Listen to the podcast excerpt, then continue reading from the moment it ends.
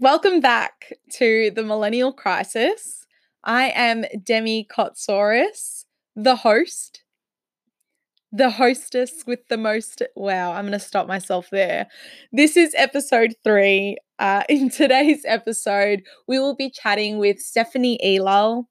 Steph is a careers coach and outcomes producer at General Assembly Melbourne. Me and Steph met in quite a 21st century way. I sent her a, I slid into her DMs on LinkedIn very professionally, um, which is actually quite fitting in the conversation that I have with Steph. Today's chat is all about sending that email or that message even if you think you're not going to have a response. It's also about open lines of communication with your workplace and taking a chance in asking for what you want. Me and Steph also talk about how understanding what you don't like is just as important as understanding what you do.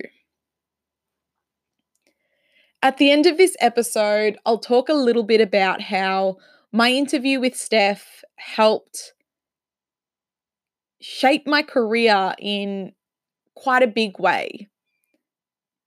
I not only got an opportunity to do something I'd never done before, but I also took on Steph's advice. Uh, I also took some inspiration from my chat with Steph and decided to make quite a big move um, in the way that I currently work.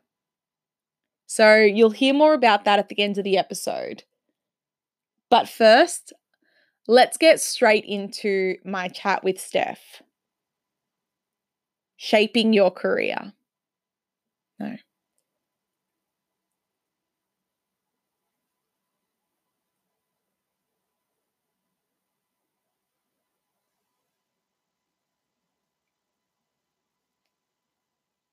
But first, let's get straight into my chat with Steph.